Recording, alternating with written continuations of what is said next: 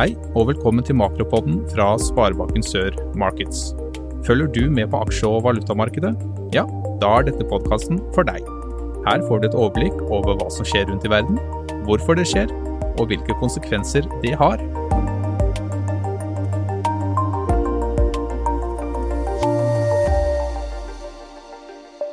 Da sier vi vel møtt til en ny makropod fra Sparebanken Sør Markets. I dag, når vi nå er kommet til januar, så skal vi snakke om eh, at det fortsatt er inflasjon og renter som rir de fleste markedene. Inflasjonen kommer nedover, så utfordringa blir nå for sentralbankene å avpasse renteøkningene.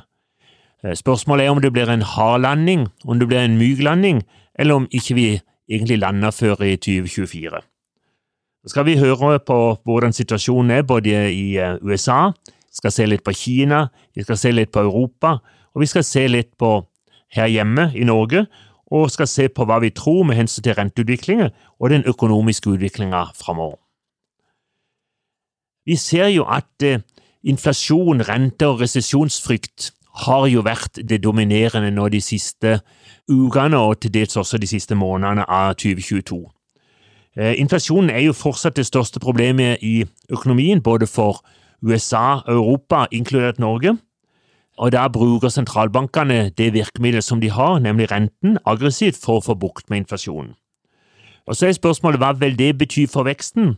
Hvor lenge klarer befolkninga rundt om i de forskjellige landene å dekke de høye rentekostnadene uten at de må skjære kraftig ned på annet forbruk?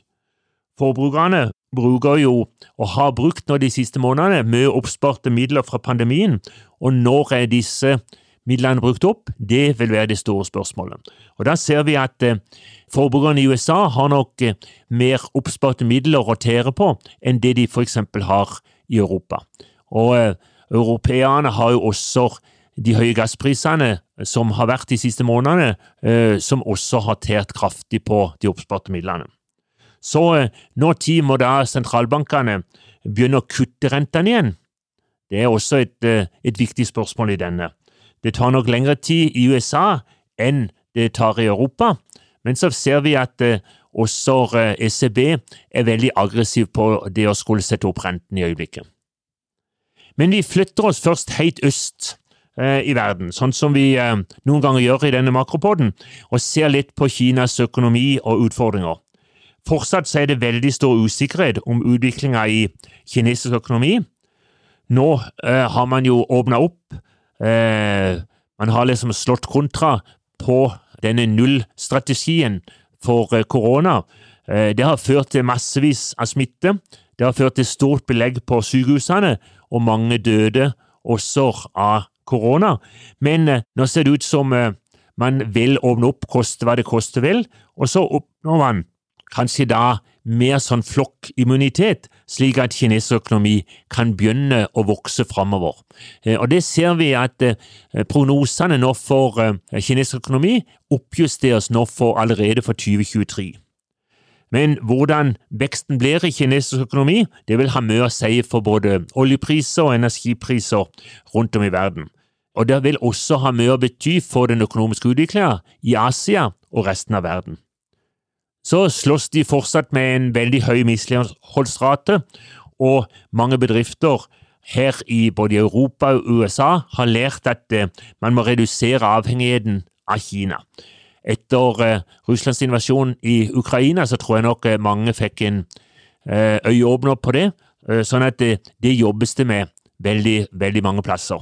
Og Det sammen med sanksjoner fra USA mot kinesiske teknologiselskaper, det gjør at situasjonen blir vanskelig for mange av disse selskapene i Kina. Hvis vi går eh, til eh, den største økonomien i verden, nemlig USA, så ser vi at eh, vi har fortsatt en veldig, veldig sterk økonomiske utvikling i USA. En sterk økonomi skaper stadig nye arbeidsplasser, det skapes nesten for mange arbeidsplasser. Sånn, Ledigheten holder seg nede på 3,6% veldig stramt, og det er fortsatt stor etterspørsel etter kvalifisert arbeidskraft. Det som er lyspunktet der, det er det at eh, lønnsveksten har kommet ned noe de siste månedene. Nå var lønnsveksten den siste Eh, Rapporteringa nå i tidlig januar var lønnsveksten ned på 4,6% Så det begynner å bli positivt. for det kan jo bety at inflasjonen ikke har slått inn i økte lønnskrav enda, sånn at forhåpentligvis så vil lønnsveksten kunne komme ytterligere ned og bidra til at også inflasjonen kan komme ned. For inflasjonstallene i USA har jo gradvis kommet lavere. Vi ser nå at nå har vi en KPI i USA på 6,5% for desember, og en kjerneinflasjon på 5,7% Det var litt lavere enn forventningene, sånn at man håper veldig på at man har sett toppen, og at man er på god vei nedover. Men eh, amerikansk sentralbanken Fed tror fortsatt at de kan ikke slutte med å sette opp renten.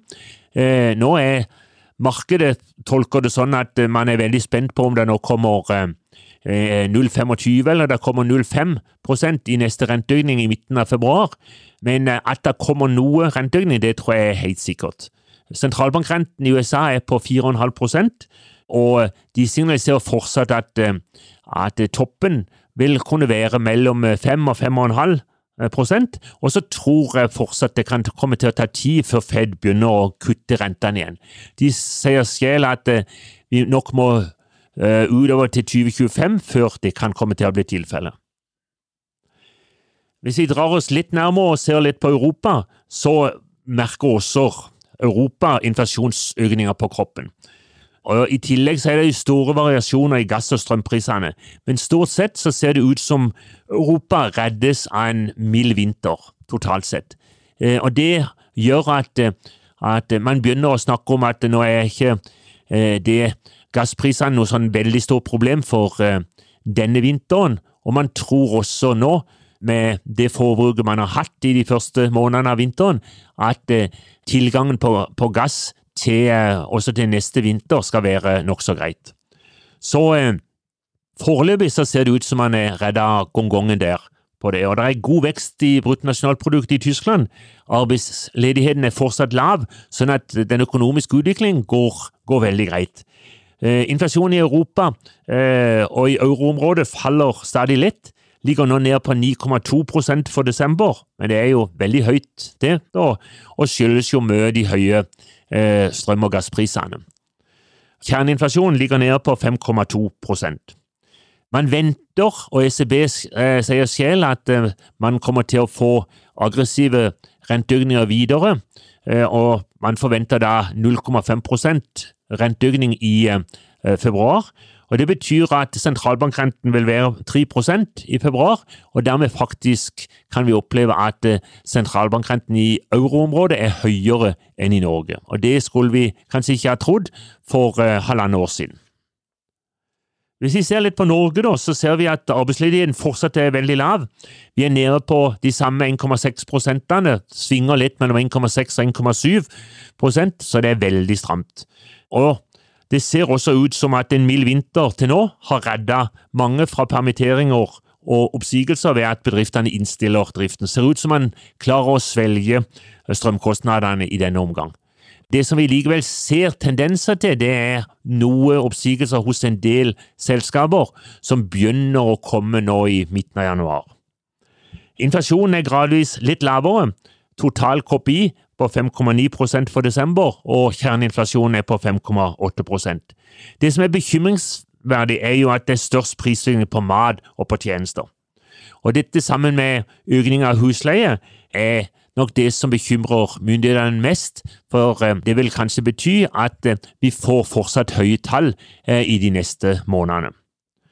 Ut fra disse tallene som da er kommet, så tror vi at sentralbanken og Norges Bank vil la være å sette opp renten nå i eh, januar, men derimot så kommer det en kvart prosent i mars. Og så tror en del analytikere at det er toppen. Eh, vi skal ikke utelukke ytterligere en kvarting eh, opp eh, i eh, enten april, mai eller juni, men eh, vi tror vi i hvert fall begynner å stange i taket når det gjelder renteøkninger. Det som spørsmålet, er jo hva skjer da hva skjer med lønnsveksten, f.eks.? Eh, lønnsveksten kan jo bli kraftig i år. Når vi kommer til mars-april, så skal eh, de forskjellige Eh, organisasjonene setter sine krav for, eh, for, lønnsoppgjøret, og spørsmålet er om man da holder seg innenfor 5 Norges Bank har, har eh, fortsatt som mål at lønnsveksten skal være nede på sånn 4,7-4,8% for inneværende år. Så det blir spennende, og så blir det spennende å se hvordan utviklinga da vil være gjennom 2023, og om Norges Bank da må begynne å, å redusere renten noe helt i slutten av 2023 og inn i første halvår 2024. Men Norge tjener penger som aldri før. Eh, vi fikk for ikke mange dager siden handelsoverskudd, altså samlet handelsoverskudd for Norge for 2022, og det var på 1575 milliarder. Altså det er utrolige tall, og det er tre ganger så mye som eh, i 2021. Eh, og det skyldes rekordhøye gassinntekter, rekordhøye oljeinntekter, rekordhøye fiskeinntekter, rekordhøye eh, matoljeinntekter og rekordhøye strøminntekter. Så eh, Norges Bank og Norge som sådan tjener penger som aldri før. Oljeprisen har vært litt opp og ned de siste ukene, har nå stabilisert seg litt på rett i underkant av 85 dollar, og vi vil nok se at utfordringer i Kina Eh, og eventuelt økt etterspørsel derfra vil være veldig viktig for etterspørselen etter olje framover. Og det blir også veldig, uh, veldig spennende å se hvordan utviklinga i verdensøkonomien vil påvirke etterspørselen etter olje framover. Vi var nede så vidt rundt uh, juletida på 70-tallet, men har liksom fått komme seg opp, og det er jo mer, litt mer lystelige ting når det gjelder utviklinga på verdensøkonomien Eh, i løpet av de siste ukene. Hvis vi ser på renteutviklinga, og ikke minst de lange rentene, så er de kommet betydelig ned de siste ukene. Nå kan man gjøre femårssikring rett over 3% 3,07 i øyeblikket, tiårssikring på 3,03, og trimåneders Nibor, altså pengemarkedsrenten, kryper stadig litt oppover igjen etter eh, å ha kommet ned før jul på bakgrunn av at det var ikke så stram likviditet som det var en periode, eh, og nå har vi da eh, tre måneders nivå på 3,29% Som sagt, her hjemme så forventer vi en renteøkning i mars 2023 og tror at det er toppen, eh, og så skal vi ikke utelukke at det kan komme ytterligere en kvarting i løpet av første halvår 2023. Så kommer det jo veldig an på hvordan disse renteøkningene biter fra seg i økonomien, både med hensyn til arbeidsmarkedet, i forhold til lønnsveksten, i forhold til forbruket, og hvordan dette totalt sett slår ut i inflasjonsutviklinga. Hvis det, det, går sånn at vi får økt arbeidsledighet, og at eh, veksten stopper en del opp, så skal vi ikke utelukke at vi eh, får et rentekutt fra sentralbanken, i hvert fall i begynnelsen av 2024. Men foreløpig så ser vi få tegn til at renteøkninga har gitt den ønskede innstrammingseffekten. Så det er vi veldig spente på, om det vil begynne å ses eh, eh, signaler på det i løpet nå av våren.